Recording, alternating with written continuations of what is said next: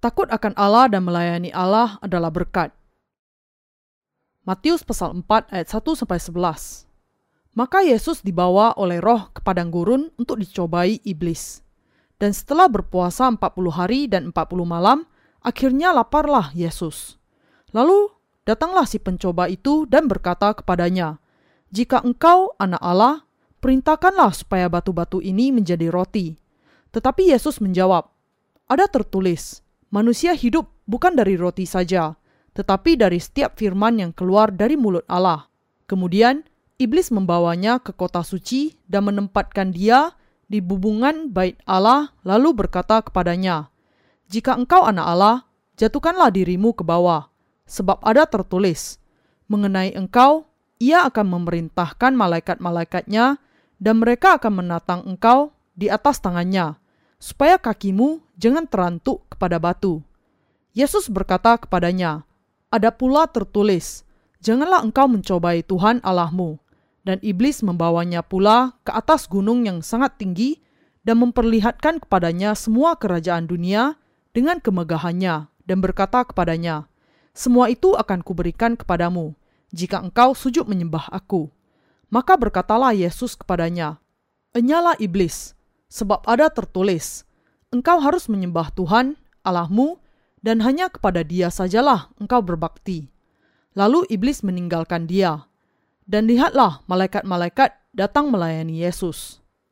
Kebenaran Allah yang menyelamatkan kita dari dosa-dosa kita adalah bahwa Yesus dibaptiskan oleh Yohanes Pembaptis dan bahwa dia mencurahkan darah dan mati di kayu salib untuk menyelamatkan kita dari dosa-dosa kita sekali untuk selamanya dan bahwa Allah memberi kesaksian bahwa dia adalah juru selamat. Bagian kitab suci hari ini adalah tentang sebuah peristiwa yang terjadi tepat setelah baptisan Yesus di Sungai Yordan. Setelah Yesus dibaptiskan, dia dipimpin oleh Roh Kudus ke padang gurun untuk dicobai oleh iblis. Dan karena dia lapar, setelah berpuasa selama 40 hari dan 40 malam, iblis berusaha untuk mencobai Yesus dengan tiga pencobaan. Cobaan pertama. Cobaan pertama dari iblis tertulis di dalam ayat 3 Lalu datanglah si pencoba itu dan berkata kepadanya, "Jika engkau anak Allah, perintahkanlah supaya batu-batu ini menjadi roti." Seberapa lapar Yesus telah berpuasa selama 40 hari dan 40 malam? Ketika tubuh Yesus sangat lapar, iblis mencobai dia dengan makanan. Jikalau engkau adalah anak Allah, perintahkanlah agar batu ini menjadi roti. Lalu engkau bisa memakannya. Perintahkanlah agar batu-batu ini menjadi roti kemudian engkau bisa hidup. Tidakkah engkau lapar sampai hampir mati? Kalau engkau mau hidup, engkau bisa hidup dengan cara ini. Engkau sudah berpuasa selama 40 hari, dan engkau pasti lapar sampai hampir mati. Bukankah engkau sangat ingin makan? Tetapi, apa yang ada di padang pasir ini? Kalau engkau anak Allah, engkau bisa memerintahkan agar batu itu menjadi roti dan kemudian memakannya, bukan? Makanlah, makan. Tentu saja iblis mencobai Yesus karena dia tahu bahwa Yesus adalah anak Allah. Tetapi iblis mencobai dia dengan makanan.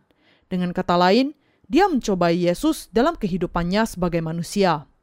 Daripada mati karena kelaparan, seharusnya engkau menjadikan batu ini menjadi roti dan hidup. Kalau engkau mau hidup sekarang, engkau membutuhkan roti untuk tubuhmu.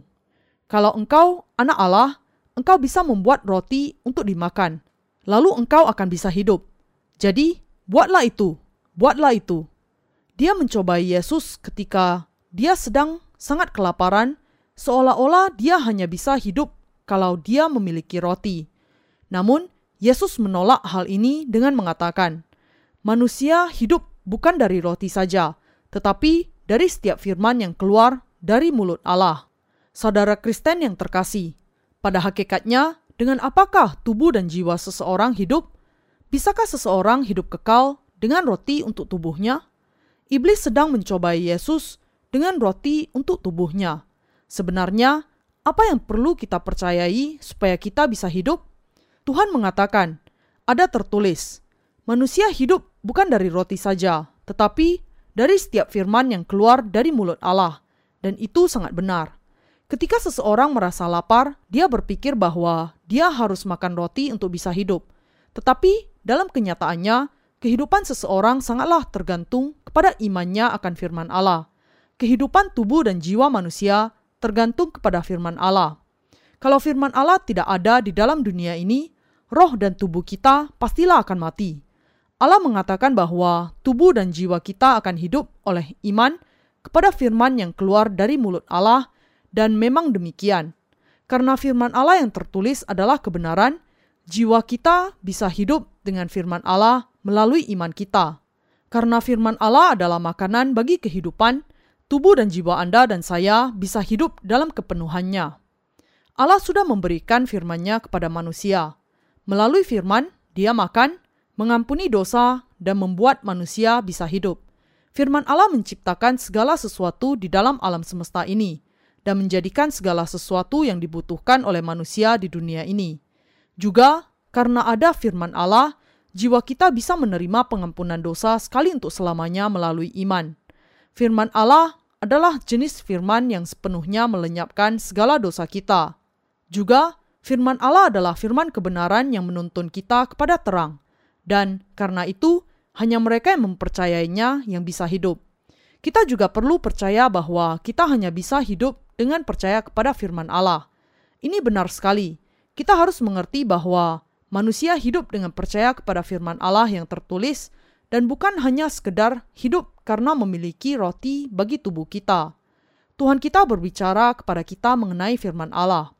Ketika kita hidup di dunia ini, kita sering kali jatuh ke dalam cobaan kita sendiri karena kita ditawan oleh ketamakan kita sendiri. Manusia berpikir bahwa kalau mereka memiliki sejumlah uang, kita bisa hidup kaya di dunia ini. Tentu saja, ini bisa dimengerti.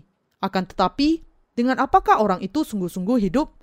Atas dasar apa seorang hidup? Seseorang hanya bisa hidup dengan percaya kepada firman Allah yang tertulis. Kalau tidak ada firman Allah, tidak mungkin bagi kita untuk percaya kepada Allah ataupun bertemu dengan Allah. Seseorang tidak bisa hidup hanya dengan roti untuk kedagingan saja. Khususnya, orang-orang benar hanya bisa hidup kalau mereka bisa mendengar pengajaran yang benar akan firman Allah. Dan seseorang tidak hanya terdiri dari tubuh saja, tetapi juga terdiri dari jiwa dan roh. Karena itu, hanya kalau kita mendengar firman Allah yang benar, kita bisa mengatasi masalah-masalah dari jiwa kita saat kita hidup. Dengan membaca dan mendengarkan firman Allah, jiwa dan tubuh kita bisa menjadi lebih kuat dan kita hidup dalam kelimpahan. Hanya kalau kita mendengar firman Allah yang benar tentang pengampunan dosa saja, kita bisa menerima pengudusan atas dosa-dosa jiwa kita. Inilah sebabnya semua orang yang mendengar firman Allah yang benar bisa hidup di dalam tubuh dan jiwa dengan percaya di dalamnya. Iblis sering mencobai semua orang dengan kata-kata seperti, "Kalau engkau anak Allah, perintahkanlah batu itu untuk menjadi roti. Buatlah batu itu menjadi roti dan makanlah. Kalau engkau anak Allah, bukankah itu bisa terjadi? Bukankah engkau lapar? Lakukanlah, lakukanlah. Kalau saja engkau memiliki roti, engkau akan hidup, bukan? Dalam keadaan yang biasa, seseorang akan hidup kalau dia makan tiga kali sehari dan memiliki persediaan makanan yang cukup selama 365 hari dalam setahun selama 70 atau 80 tahun. Bukankah orang akan hidup dan tidak mati kalau dia memiliki makanan? Inilah yang dikatakan iblis kepada kita. Iblis mengatakan hal ini kepada manusia, dan banyak orang yang tertipu dan jatuh dalam hal ini. Ada orang-orang yang jatuh dalam hal ini dan berpikir, "Benar sekali, aku hanya bisa hidup kalau aku memiliki hal ini." Kita tidak perlu hanya berbicara tentang uang saja, tetapi kita akan berpikir bahwa kita bisa hidup hanya kalau kita memiliki sedikit materi duniawi yang kita inginkan. Kita berpikir, saya bisa hidup dan tidak mati, bahkan tanpa memiliki firman Allah. Namun, ini adalah kesalahan perhitungan yang besar. Pada kenyataannya, tubuh kita juga mati tanpa firman Tuhan. Sesungguhnya, seseorang tidak bisa hidup dengan roti, kelimpahan materi duniawi, atau keinginan seksual yang bisa diberikan oleh dunia. Inilah sebabnya kita perlu sungguh-sungguh memperhatikan apa yang dikatakan Yesus ketika iblis mencobai dia. Manusia hidup bukan dari roti saja, tetapi dari setiap firman yang keluar dari mulut Allah. Iblis mencobai kita ketika kita sudah menjadi lemah, ketika kita lapar dan lemas, dan ketika jiwa kita merasa lelah. Dia bertanya kepada manusia, "Engkau akan hidup kalau engkau mempunyai roti, bukan?" Dan membuat mereka bingung. Banyak orang yang lalu melihat apa yang mereka miliki dan berpikir, "Oh, saya memiliki persediaan yang cukup untuk menunjang kehidupanku. Kalau demikian, aku akan hidup dan tidak mati, walaupun aku tidak mendengarkan firman Allah." Tetapi, saudara Kristen yang terkasih, bahkan ketika iblis mencobai kita dengan cara demikian, kita tidak bisa hidup hanya dengan roti saja, tetapi dengan percaya kepada setiap firman yang keluar dari mulut Allah. Saya harap kita terus ingat akan hal ini. Saya harap kita ingat bahwa kita tidak bisa hidup kalau kita tidak memiliki firman Allah. Anda bisa hidup hanya kalau Anda memiliki firman Allah di dalam hati Anda. Saudara seiman yang terkasih, bukankah demikian atau tidak demikian? Memang demikian. Jangan lupa akan kenyataan bahwa kita bisa hidup hanya karena ada firman Allah. Alasan bahwa manusia bisa tetap ada sampai sekarang adalah karena adanya firman Allah. Ketika Injil air dan roh disebarkan ke seluruh dunia, Tuhan kita akan datang kembali. Dan ketika dia datang kembali, dia mengatakan bahwa dia akan melenyapkan dunia ini dan memulai dunia yang baru. Semua ini akan digenapi sesuai dengan firman-Nya. Saudara Kristen yang terkasih, firman Allah adalah kebenaran.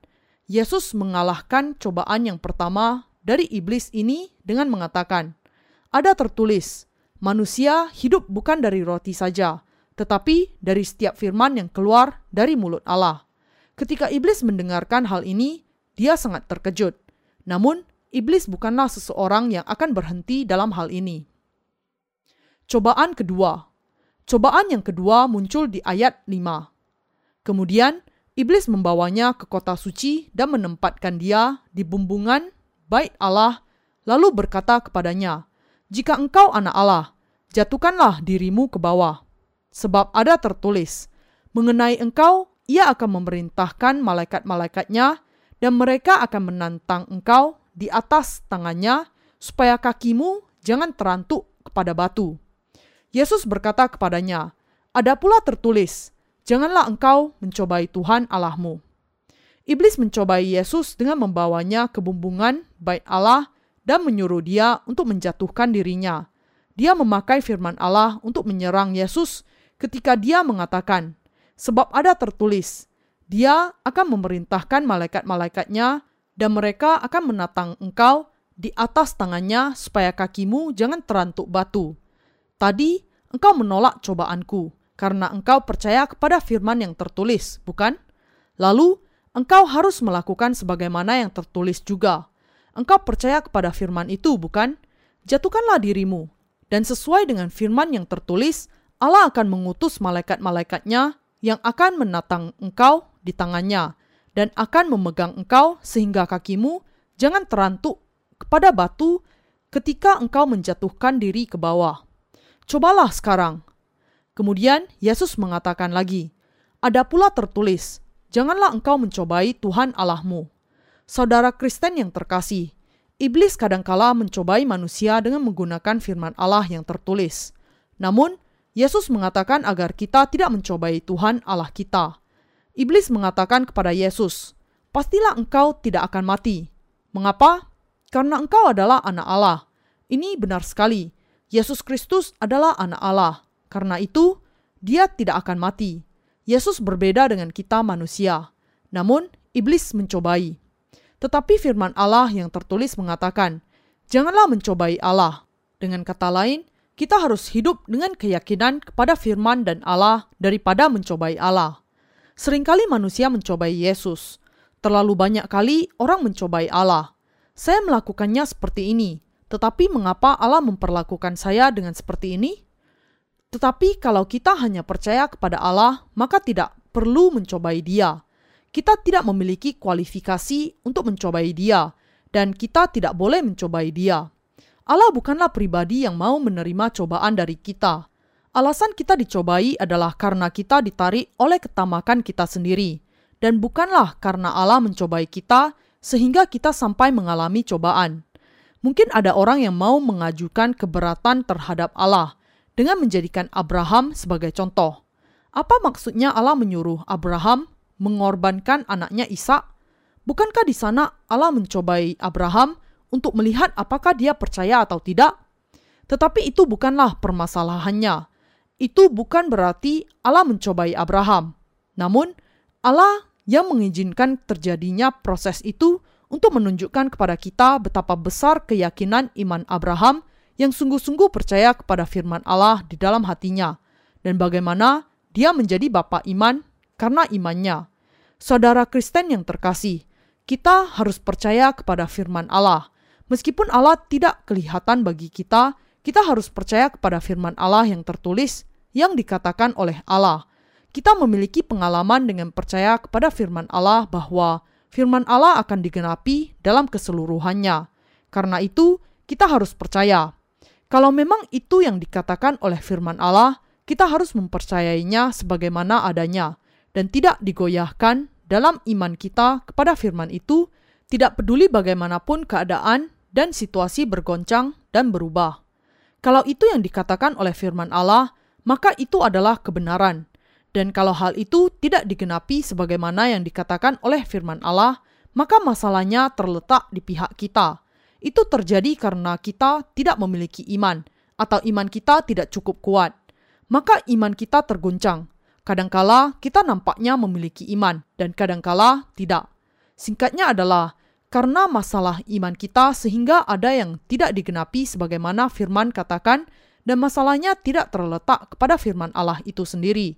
Allah melakukan mujizat-mujizatnya kepada mereka yang sungguh-sungguh percaya kepada firman Allah. Namun, Allah mengatakan bahwa mereka yang imannya goyah, janganlah berpikir bahwa mereka akan mendapatkan apa pun.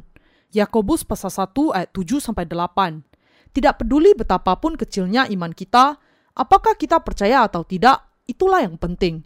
Kita harus percaya dan tidak mencobai Allah. Kalau kita percaya kepada firman Allah, kita menerima pengampunan dosa dan itu akan digenapi sebagaimana kepada kita, sebagaimana firman itu. Saudara Kristen yang terkasih, apakah Anda percaya? Ya, bagi Anda dan saya, iman kepada firman Allah itulah yang penting.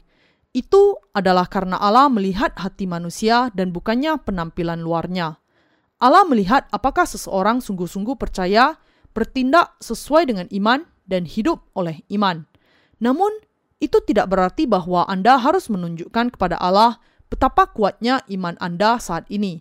Meskipun iman Anda adalah sekecil biji sesawi, Anda harus mengakui iman Anda kepada firman-Nya dan mengatakan, Aku percaya imanku kecil, tetapi aku percaya.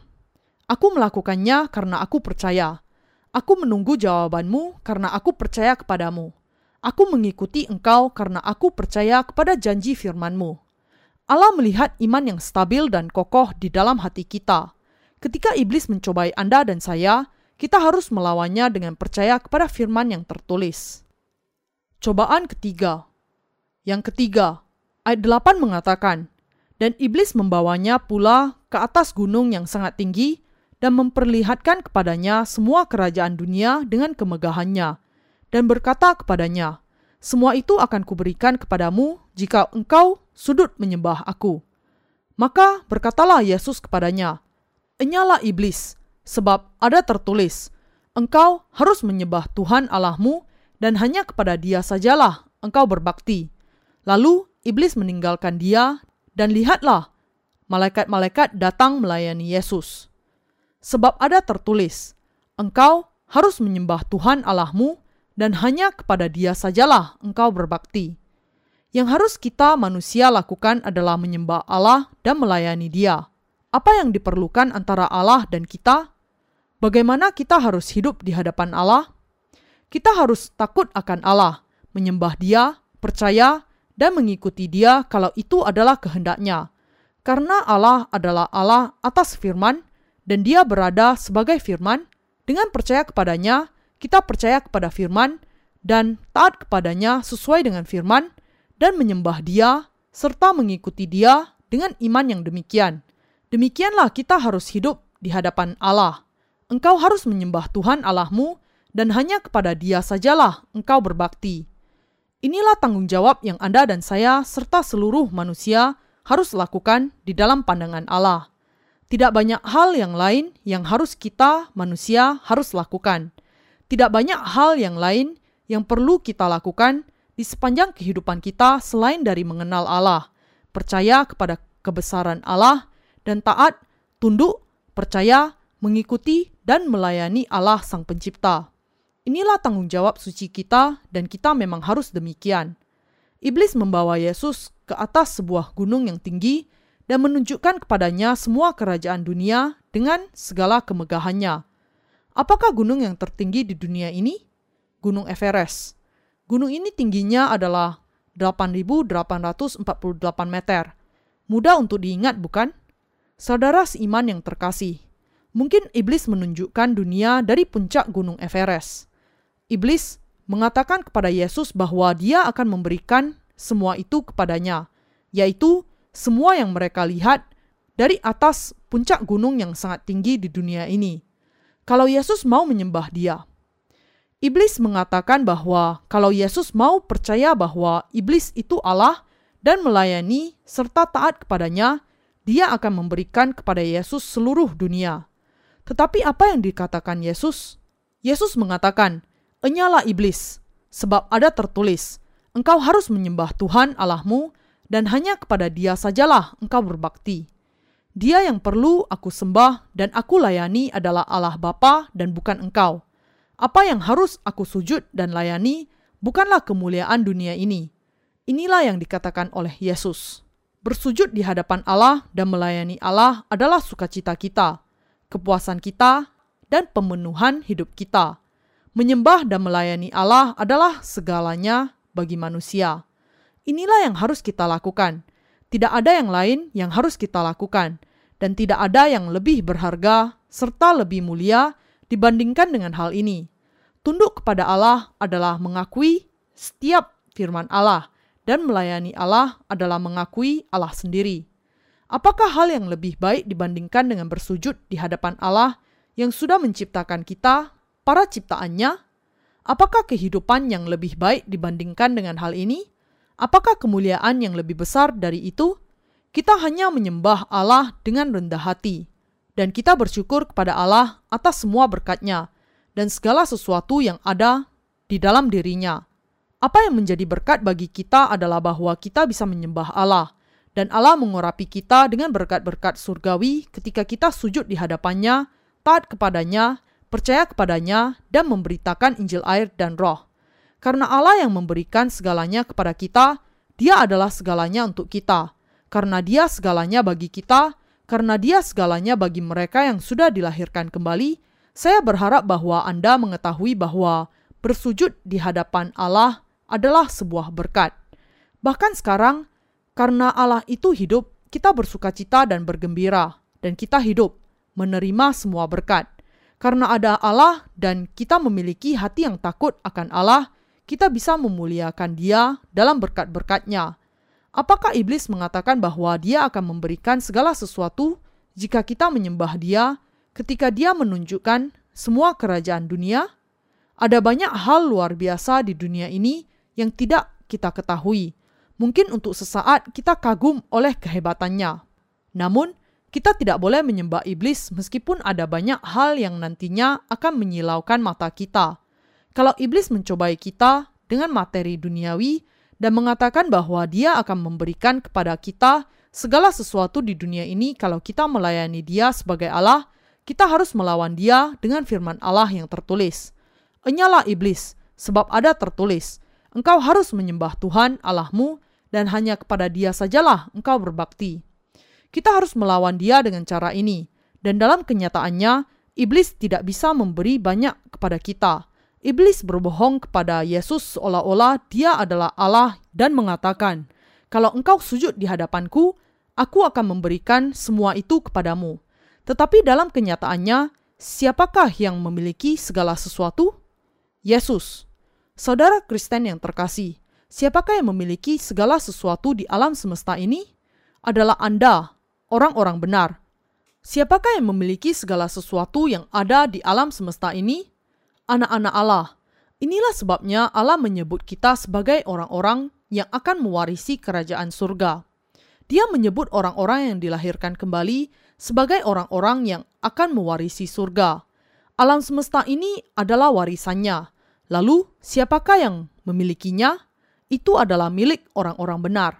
Namun, iblis mengatakan, "Sujudlah kepadaku kalau engkau tidak percaya kepada Allah, tetapi percaya kepadaku dan mengikuti aku." Aku akan memberikan segala sesuatu yang ada di dunia. Inilah cara yang sering dipakai oleh iblis. Iblis pernah satu kali menggoda saya dengan cara ini juga. Ini adalah cara yang biasa dia pakai kepada saya, bahkan sebelum saya percaya kepada Yesus. Tetapi kita lihat, iblis tersingkir di ronde yang ketiga. Saudara Kristen yang terkasih, bagaimana seharusnya kita hidup dalam pandangan Allah kita perlu menjalani kehidupan yang menyembah Allah dan hanya melayani Dia sepanjang kehidupan kita. Allah mengampuni dosa-dosa kita, segala dosa dengan air dan darah, menghapuskan semuanya dan menjadikan kita anak-anaknya, dan memberikan kepada kita berkat yang membuat kita bisa menyembah Allah dan melayani Allah. Kita harus bersyukur kepada Allah yang memberikan kepada kita berkat keselamatan dan menyembah Dia dengan iman dan melayani Dia sepanjang kehidupan kita. Perhatikan dengan baik-baik firman Allah yang sudah menghapuskan dosa-dosa kita hingga bersih. Tuhan membasuh kita sampai bersih dengan cara menanggung segala dosa kita ke atas dirinya melalui baptisannya, disalibkan di atas kayu salib, dan menerima penghakiman atas dosa-dosa bagi kita. Tuhan memberikan kepada kita berkat bahwa kita bisa menyembah Allah dan melayani Allah dengan membasuhkan kita menjadi bersih dan murni dengan air dan darah dan menjadikan kita sebagai umat Allah. Cobaan jenis apakah yang menekan Anda dan saya sekarang? Bagaimanakah Anda melawan cobaan-cobaan ini? Yesus memberikan kepada kita jawaban yang benar melalui tiga pencobaan yang dialaminya dalam bagian kitab suci yang kita baca hari ini. Dia sudah melawan cobaan iblis dengan imannya kepada firman Allah. Kalau kita memahami jawaban ini, dan menjalani kehidupan kita, percaya di dalamnya, kita juga bisa melawan cobaan-cobaan ini. Meskipun menyembah Allah itu adalah sebuah berkat, kita tidak bisa mengetahuinya dengan benar. Saudara Kristen yang terkasih, apakah Anda berpikir bahwa lebih baik bagi Anda untuk dilayani dibandingkan dengan melayani Dia dengan tanpa syarat? Tetapi hal yang sangat baik bagi Anda dan saya adalah melayani Allah. Saudara Kristen yang terkasih, Menyembah Allah adalah sebuah berkat yang besar. Adalah sebuah berkat yang sangat besar bahwa kita menyembah suatu pribadi yang memiliki kedudukan yang sangat tinggi. Bukankah demikian? Memang demikian. Dalam keadaan apa pun, kita harus melayani suatu pribadi di dunia ini dan tidak bisa hidup tanpa melayani satu pribadi pun. Kalau kita tidak melayani Allah, berarti kita melayani iblis. Tentu saja, kalau kita tidak melayani iblis, kita melayani manusia. Bagaimanapun, kita harus memutuskan kita akan menjadi hamba siapa. Saudara Kristen yang terkasih, bukankah sebuah berkat yang besar bahwa kita bisa melayani Allah? Namun karena kita hidup tanpa memahami hal ini, Yesus menerima cobaan yang ketiga dan memberitahukan kepada kita jawaban yang benar. Engkau harus menyembah Tuhan Allahmu dan hanya kepada Dia sajalah engkau berbakti. Saudara Kristen yang terkasih, kita harus percaya kepada firman Allah. Ketika kita mendengar firman Allah, kita berpikir, "Oh, Yesus memberitahukan kepada kita jawaban yang benar, dan menjalani kehidupan yang demikian adalah benar. Ketika saya menyembah Allah, adalah benar untuk menyembah kalau itu adalah yang dikatakan firman Allah. Meskipun saya sering bertindak seperti seorang yang tolol, idiot, bodoh, dan dunggu, saya adalah seseorang yang sudah menerima berkat yang sangat besar. Saya berpikir bahwa saya harus menjalani kehidupan sesuai dengan keinginan hati saya tanpa dibatasi oleh siapa pun, dan mengatakan, "Ini hidup saya sendiri." Tetapi sebenarnya bukan demikian. Sekarang saya tahu bahwa kehidupan yang demikian adalah kehidupan yang aneh. Yang paling benar adalah menerima Tuhan sebagai Tuhan saya dan hidup sebagai hamba Allah. Kita harus bisa memahami kebenaran Injil air dan roh dan memiliki iman yang percaya serta hidup dalam berkat. Meskipun kadangkala kita nampak seperti orang bodoh, ketika kita melihat diri kita sendiri, Tetapi pada kenyataannya, fakta bahwa Anda dan saya bisa menyembah dan melayani Allah, Anda harus mengetahui bahwa hal ini adalah sebuah hak istimewa yang sangat besar dan suatu jalan yang benar bagi Anda. Saya sering bertanya-tanya tentang siapa yang akan saya layani kalau saya tidak melayani Allah sekarang ini. Tentu saja, saya akan melayani ilah-ilah tanah ini yang akan memberikan kepada saya kesenangan daging. Saya akan minum dan makan setiap hari, khawatir tentang bagaimana menjalani kehidupan dan melayani ilah-ilah tanah ini. Semua jenis minuman mungkin akan menjadi ilah saya.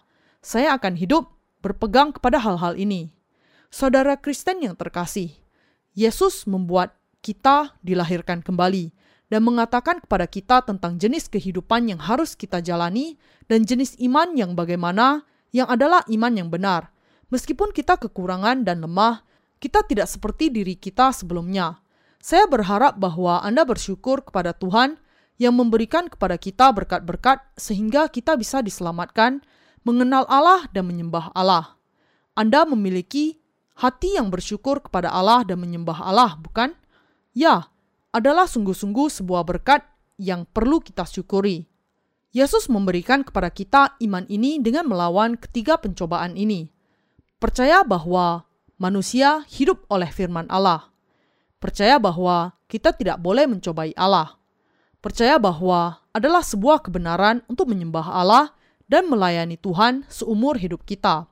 Allah memberikan kepada kita iman yang adalah sebuah berkat yang besar kita harus memiliki iman dan hidup sebagai orang-orang yang menyembah dan melayani Allah sepanjang kehidupan kita.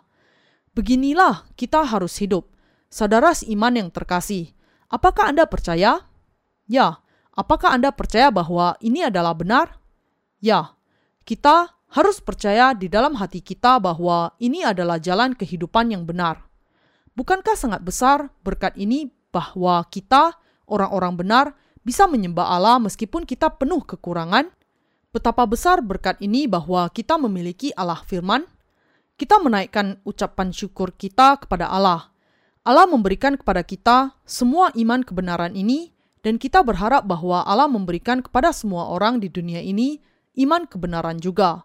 Saya berharap bahwa jiwa-jiwa Anda dan saya akan senantiasa menerima berkat yang tetap dari Allah dengan percaya kepada firman Allah.